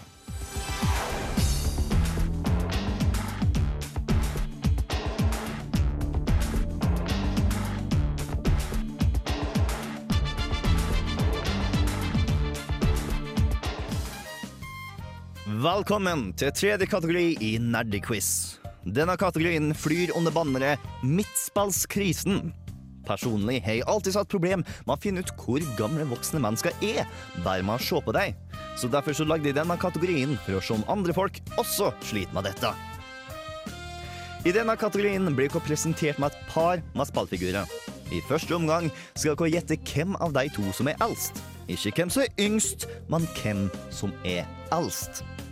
Etter det svaret har blitt avslørt, og i oppgjør alderen til en av spillfigurene, så får den som tipper seg nærmest alderen til den gjenværende spillfiguren, ett bonuspoeng. Det første paret ut er et sett med attraktive ungkarer fra ytre rom. Ungkar nummer én er deltids dusørjeger, deltids F-Zero-kjører, deltids Gladvold-deltaker og fulltids hunk. Vi snakker selvfølgelig om Captain Falcon. Falcon Punch! Men han blir utrangert av vår andre rommann, som har redda universet med flere anledninger, gjenoppstått fra de døde og har en fot innenfor markedsføringsbransjen.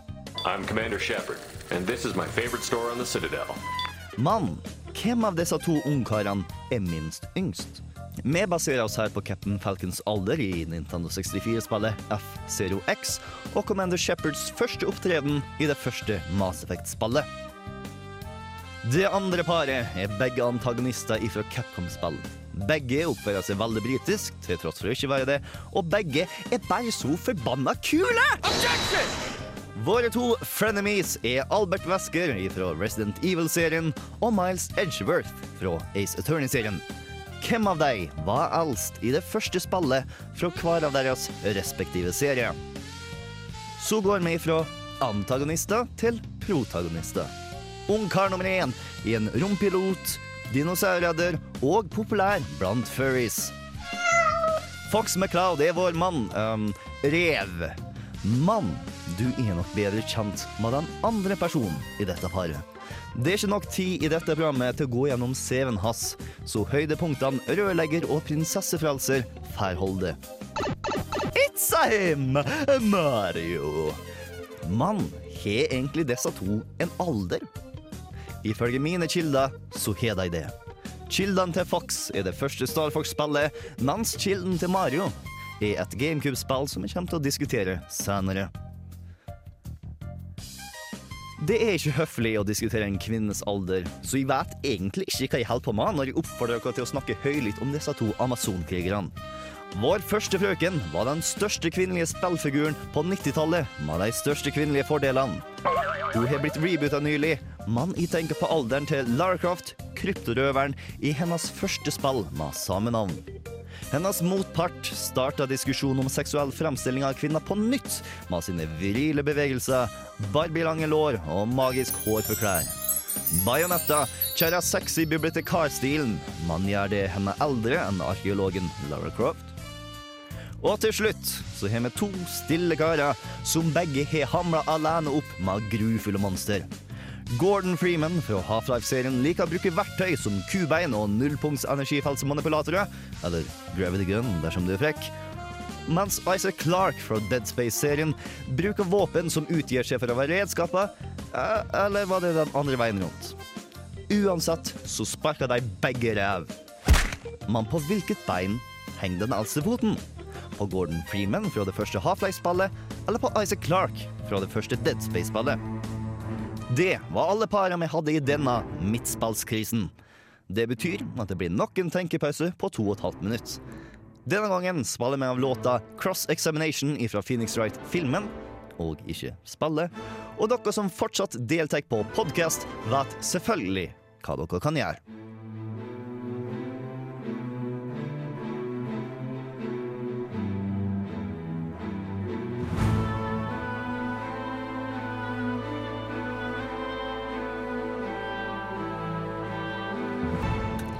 Cross Examination fra Phoenix Wright. Filmen heter der. En film som det for øvrig er verdt å ta og sjekke ut. Men det vi skal ta og sjekke ut nå, er svarene til deg i studio, og se om de er like alle blinde som det jeg er. Eh, De to første eh, para som vi har klar, er Captain Falcon fra F0-serien og Commander Shepherd fra Mass Effect-serien. Så det jeg har først lyst til å vite, nå kommer vi til å spørre alle sammen i studio, hvem av de to er eldst? Og eh, da begynner vi med det, Dørum. Ja, skal jeg begynne? Jeg er, helt, jeg er veldig usikker. På den, altså, du har Jeg tenker liksom Shepherd så litt sånn, er litt sånn ung, helt fersk i vervet, si. Mens uh, Falcon er litt sånn etablert kar. Ja.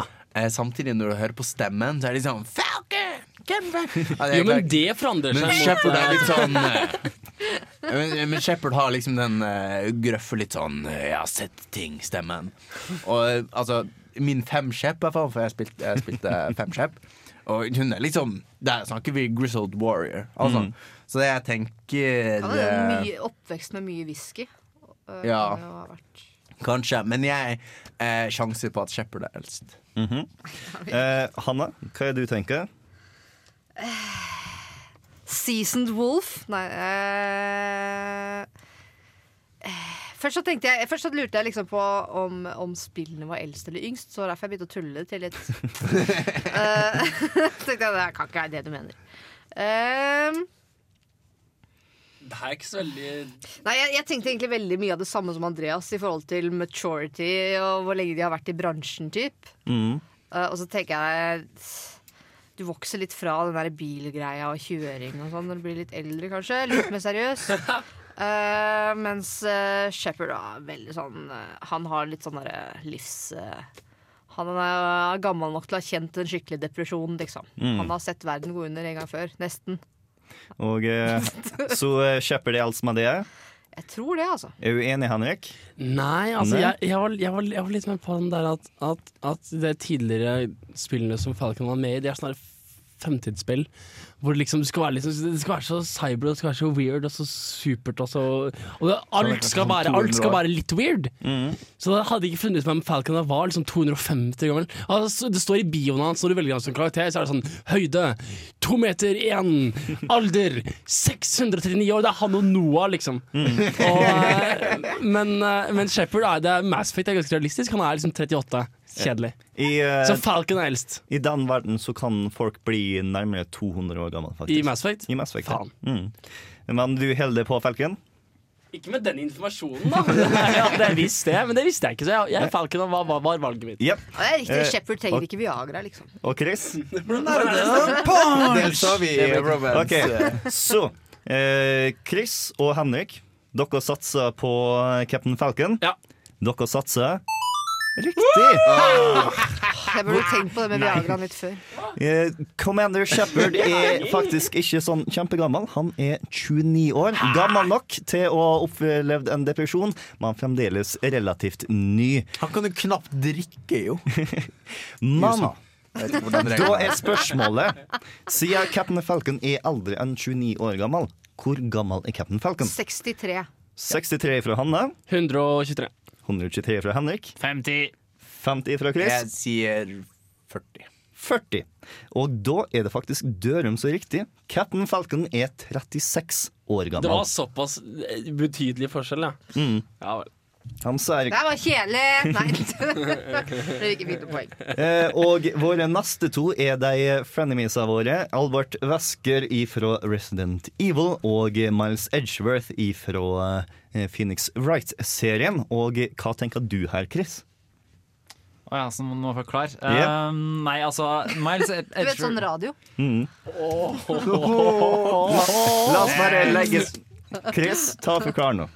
OK, unnskyld, Chris. Er Chris. Beklager, Chris. Den, den, OK, da. det er Jeg skal er med. For Jeg har tilfeldigvis spilt gjennom eh, Phoenix Rights et par ganger. Eller jeg har spilt gjennom fleste spillene Og altså, sånn som jeg har skjønt det, så har Miles Edgeworth alltid vært noe med grå hår, så jeg tror det er det som kanskje kan putte folk off. Og altså at eh, Jeg mener ikke at de er så sinnssykt gamle. Jeg mener at de akkurat har fått seg liksom en grad i Eller at de har blitt opplærte advokater, og så er de ganske fresh begge to, egentlig. Mm. Så jeg tenker egentlig at uh, Albert Wesker er mer sånn type krigsveteran og har sånn skikkelig mastermind og har skikkelig kontroll. Så jeg tenker kanskje Og det har jo for så vidt Miles Edgers også, av at han har fått masse opplæring, men uh, jeg tenker Albert Wesker er gamler. OK, Henrik, hva Ja, tenker du? samme. Jeg tenker at uh, det der, uh, det der advokatspillet Han er så young and hotshot, og det er så viktig del av det. Så jeg tenker jeg at Albert er uh, det, det, det, det er daddy. Og eh, Hanna? Altså, Du er så glad i de spilla der at jeg tenker at du kanskje bare tok den med for å bevise at den, ja, han er ikke så gammel, så det er greit å like den likevel. ja, det var akkurat poenget mitt. Men ja, OK. Jeg tenker for å være så uenig i alle dommer, så burde du ha litt Litt kunnskap. Liksom, du burde ha litt livserfaring fra før av. Mhm. Litt mer enn livets skole, kanskje også. Litt liksom, utdanning som tar litt tid. Mens herregud, du kan bli bad boy over natta, liksom. Det er ikke noe, du trenger ikke så mye erfaring for å være slemmingen. Uh, så jeg, jeg tror jeg går for Miles, jeg. At han er gamlingen her. Okay. Og Ja, eh, altså, dere? Slemmingsskolen, er det sånn profesjonsutdanning? Ja, det eller? er det. Litt sånn som fag, fag. Ja. Altså, det er jo en beskyttelsestittel. Det er svart, Ja. svartruss, da, for å si det sånn. ja. Nei, altså jeg tenker det Wesker han er sånn CEO. Han er litt sånn Han er ikke bare en fighter. Han er uh, også en businessmann. Og det sånt tar litt tid. Mens Edgeworth Han slår meg som typen som farger håret sitt grått for å se eldre ut. At han faker det litt for at han skal virke liksom så autoritær og kul. Men egentlig så er han bare en eh, liten yngel.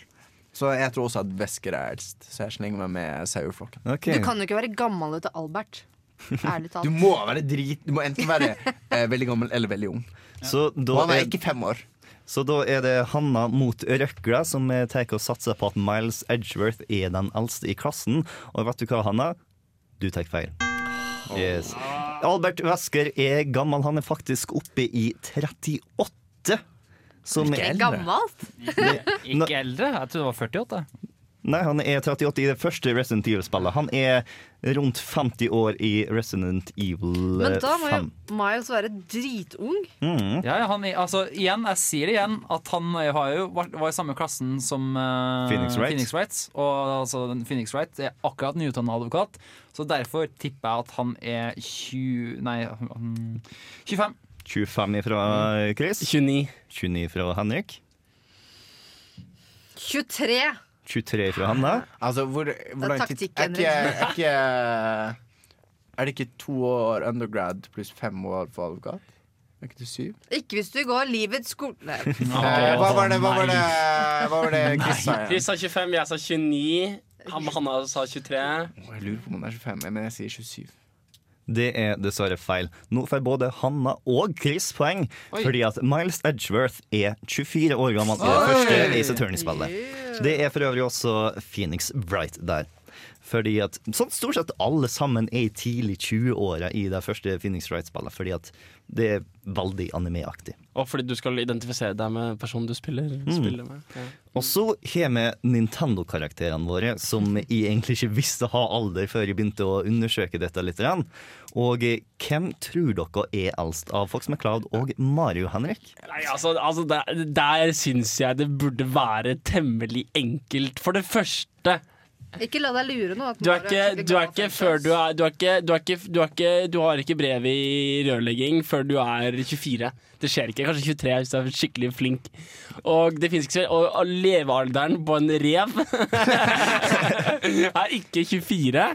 Men hva med en framtidsrev? Ja, Altså, men- Revteknologien Ja, ja, går nei, bare men- framover. Jo, men Greit nok at du kan bli mye eldre som rev, men du oppnår likevel liksom maskulin maksimum på sånn fem år gammel.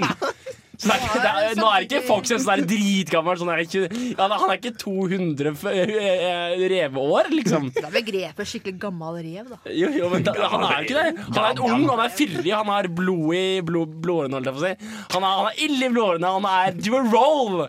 Han er the man, han er, han er fem år gammel, og, og Mario er 25. Ok, eh, Hva du tenker Hanna? Altså, det er kun eldre mennesker som har den type fascinasjon for de kongelige. Eh, det er liksom det er, det er liksom uh, Nei, jeg klarer ikke å se at det er en sånn ung greie. Det er en sånn se og hør-greie, og den er, eh, den er mynta for eldre mennesker. Uh, Skal sies si sånn at han er kjempekåt, da. Eh, Ja Det er ikke så mye fascinasjon for, for, for de kongelige som det er for liksom fordelen hennes. Nei, det er sant, men ah, ja, jeg veit ikke, altså. Ehm, samtidig så har den jo vært nå i så mange spill at det har noe med hvor mye du klarer å oppleve i løpet av så kort tid og sånn også. Uh, jeg, så på, på sett og vis så håper jeg den er gammel. Så han liksom har litt tid til å glemme liksom, dette med prinsessa hver gang. At hun blir, det er det samme om igjen og om igjen. Han ville gått veldig lei hvis han, Jeg tror han hadde passa bedre på da hvis Også det var liksom i går Bowser stakk av sist. og så har han en lillebror som også er utdannet rørlegger. Har det, vet du, så jeg tror, jeg tror Mario er gammel, altså. Mm. Jeg tror Mario er gammel. Er du Så- enig, dere? Jeg vet ikke, altså På den siden så kan sånn Altså eh, Noen sånne pakistaner-kids får jo bart når de er tolv. så han kan jo være veldig ung. Eh, men eh, Ja, men altså som Henrik sier, Fox McCloud har litt det der eh, dashing eh, ung mann-imaget. Men det kan også være litt sånn litt eldre, litt sånn eh, se opp til-greier med Fox. Men ja, jeg tror jeg må si at Fox er yngst. Han har ikke vært i stemmeskiftet, da, Mario. Følg, nei, han får jo stemmeskifte med en gang for det er soppen. Da. Så er jeg sånn. Men ja, Chris, følger du er tråkken. det var litt rart. Um, men Yngre jeg tror, mennesker som tar sopp òg. jeg tror, jeg tror liksom Jeg vurderer om det er Fox, for at, men jeg tror det som tråder meg off litt, Det er at den heter MacLeod, og MacLeod høres så gammelt ut. Mm. Men vet du hva? Yolo, sier de unge kidsa, så da sier jeg Fox. Vet du hva, Chris? Den gangen får du poeng, og ingen andre.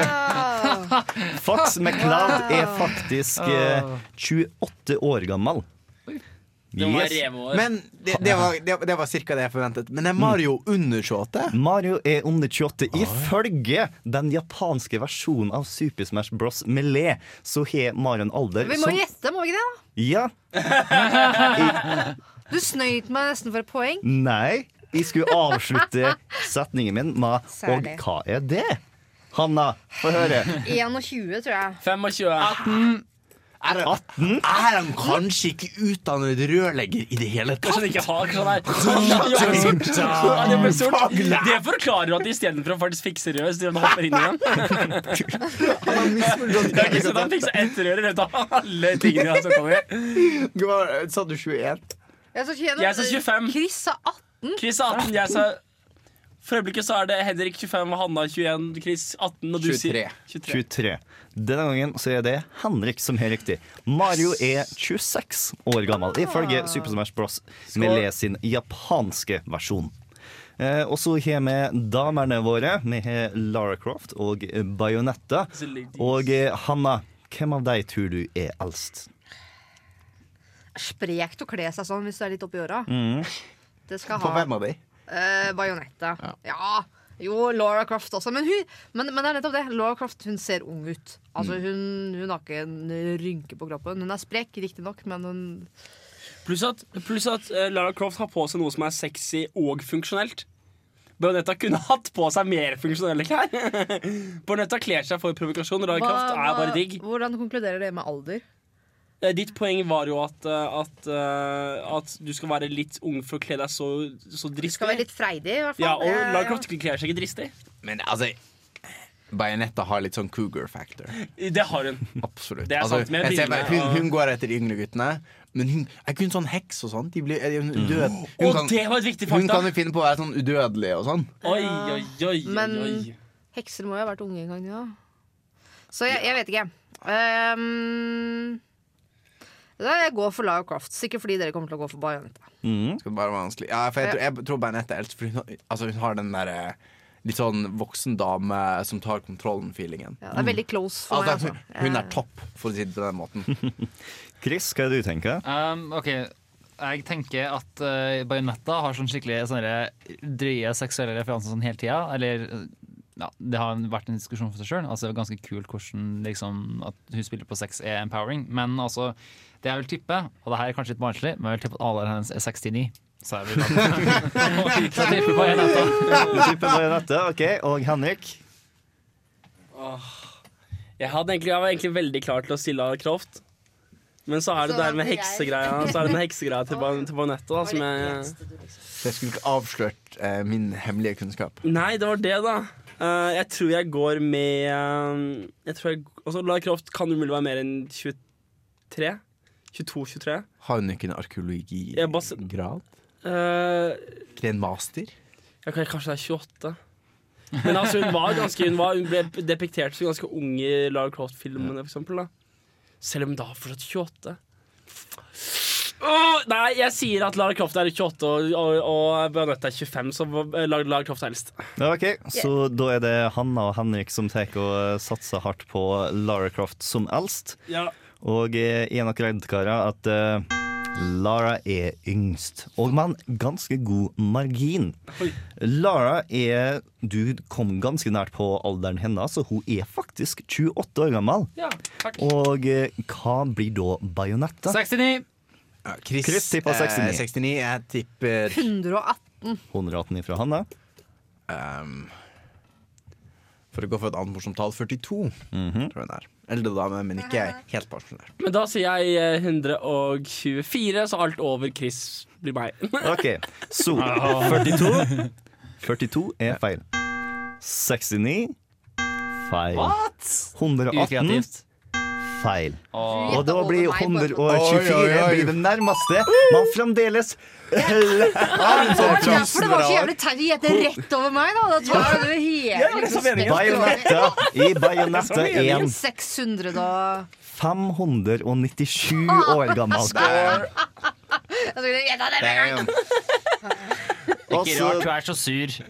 og så til slutt så har vi de to eh, reparatørene våre, Gordon Freeman og eh, Isaac Clark. Den der Kan jeg, kan jeg bare, kan jeg bare først Bajonetta har jo i hvert fall Hun har levd som Hun har fått, hatt tid til å få selvtillit på, da. Mm. Hun har liksom ikke Når du er 597, Altså, så er det liksom ja, ok, Hun er skitten som bestemora mi er skitten. Liksom, hvor det kommer masse snide kommentarer hele tiden. Hva sa du nå? altså, nå, er, nå skal jeg si at bestemoren min er død, men i denne stereotypen av skitne, gamle bestemødre som liksom sitter her og bare sier skitne ting hele dagen, så har hun den bare mye mer energisk. Jeg angrer på at vi ikke bare gikk videre. Neste spørsmål. Det er det beste la oss bare det gå videre til neste spørsmål før vi gjeng faktisk som for tid. For Chris, hva er det du tenker? Nei, jeg tenker at Gordon Freeman ligner på Jens Erik. Jens Erik ser gammel ut. Jens Erik, slutt også å sende meg meldinger og si at du skal hoppe musa mens vi er på lufta.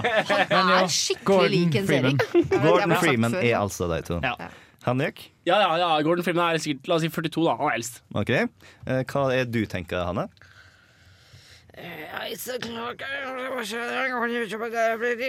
That's not It's time to choose.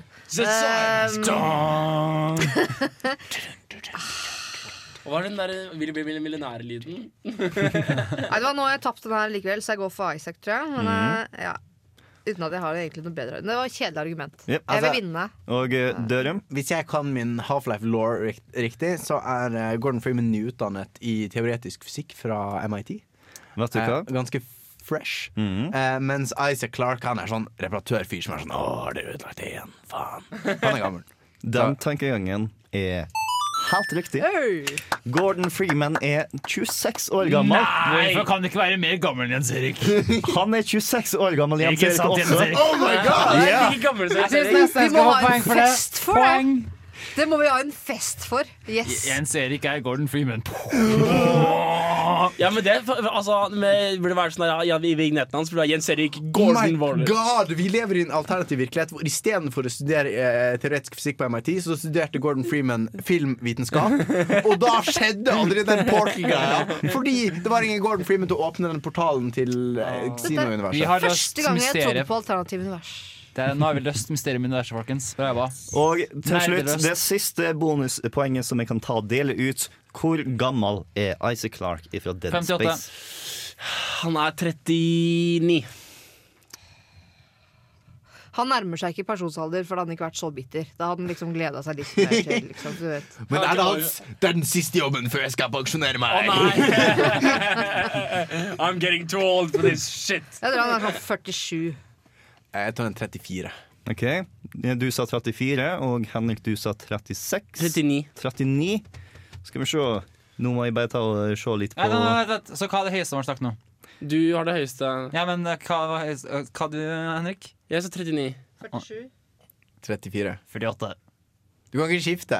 Jo. Nei. Jeg har ikke sagt svaret ennå. For du sa det, du sa Du 54 kan i ikke bytte. Fyr- Nei!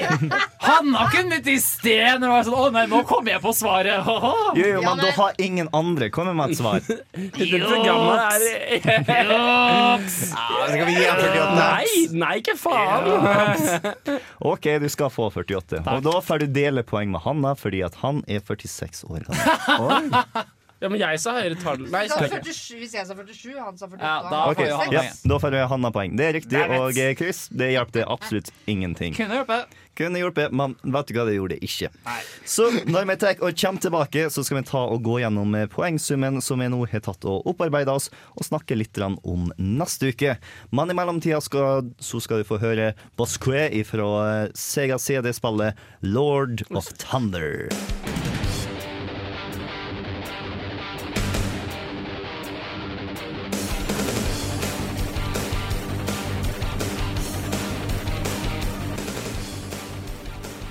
Bosque fra Lord of Thunder, som er en shoot 'em up fra Sega CD. Og nå skal vi ta en eh, kjapp liten gjennomgang av poeng. Hanna, hva er din endelige poengsum? Må vi begynne med meg? Ja, Jeg bare tuller. Jeg vinner helt sikkert. Jeg har fem poeng. Klarer du å slå det, Henrik? Mm, Jeg tror jeg regnet feil, sted jeg tror jeg hadde fire poeng, ikke fem poeng. Som betyr at jeg har totalt syv poeng. Mhm. Chris, hva er din poengsum? Under 9000. Under 9000, så det vil si Sju. Sju. Og eh, Dørum Dette er eh, anekdote. Den andre quizen ever jeg har vunnet. For jeg har elleve poeng. Oh, wow. Jeg har også eh, tungmetallquizen på Raptus tegneseriefestivalen en gang. Det Du er har, liksom, du har like mye poeng som meg og, og, og, og, og alle de andre minus, uh, minus det ble plutselig ikke så imponerende likevel. Ja, matte, ass. Matte. Yes, yes, yes. Her ser jeg noe som stemmer. Det stemmer ikke en gang til, men jeg skal prøve å roe det inn igjen så godt jeg kan. Så da er Dørum regjerende mester i nerdequiz så langt. Kan det være en tittel? Kan det være sånn uh... Ja, selvfølgelig. Nerd med nerd? Nerd- Over nerd. Det kan være nerdequiz-quizmaster. mester. Så da får du stå for neste quiz. Oi! Ja. Eventuelt sjefsnerd. Men neste sanning så er det ikke nerdequiz, eh, dessverre. Men vi skal gjøre noe hyggelig allikevel, for Chris, hva skal vi gjøre da? Vi skal introdusere de nye, og jeg skal love å ikke terrorisere dem i det hele tatt. Er det tøysestemmen-quiz? Nei. Som jeg nevnte i tidligere i sendingen, så kommer vi til å få tre nye personer, forhåpentligvis, med mindre ingenting skjer seg. Eh, Og de skal både vi og dere der hjemme bli kjent med neste uke. Om de skal ikke være faste radiopersonligheter. Nei, Så er det videoproduksjon og anmeldelse. Og men de kommer fremdeles til å påvirke nerdeprat og personligheten til nerdeprat. Mm. Så eh, det er verdt å bli kjent med disse menneskene. Eh, Det er også verdt å bli kjent med oss på sosiale medier. Vi er Nerdeprat på YouTube og Facebook, på Twitter, på Instagram, på Google på MySpace, på Tinder. Har vi faktisk MySpace? Vi har Har vi faktisk ikke MySpace. Har vi Tinder? Ja. Det bare måtte finne det ut på. Oi. Eh, nå avslutter vi med eh, nok en liten Sega-låt. Denne låta vi hører gående i bakgrunnen etter Break Silence fra spillet Writer. Jeg har vært quizmaster for dagen, Bård Rasta. Jeg har hatt med meg Andreas Dørum, Hanna Gulbrandsen, Henrik Ilen Ringel og Chris Monsen. Joks! Og, og, og folk må høre på Filmofil. Det, det er også ikke dumt. Spesielt ikke siste episode, der vi tok og snakka om eh, kontekstuelle anbefalinger av film, hvor jeg var med. Du mener Oh, yeah. nerdefilmofil? Den, Nei, det er film. Vi høres neste uke. Samen nerdekanal, samme nerdetid.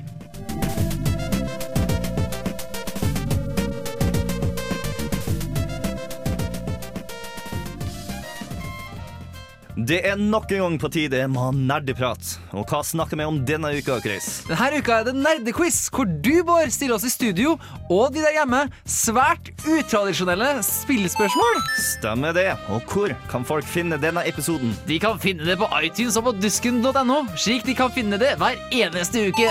Det er helt riktig. Vi høres. Det var to riktige svar! Betyr det at jeg får to poeng? Hva? Nei, nei, nei. Dette er bare en Hva trailer. med ett poeng, da? Nei! Ett og et halvt!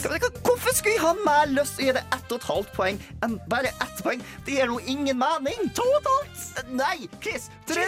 Dette er Fire? trailer. Dette telles ikke.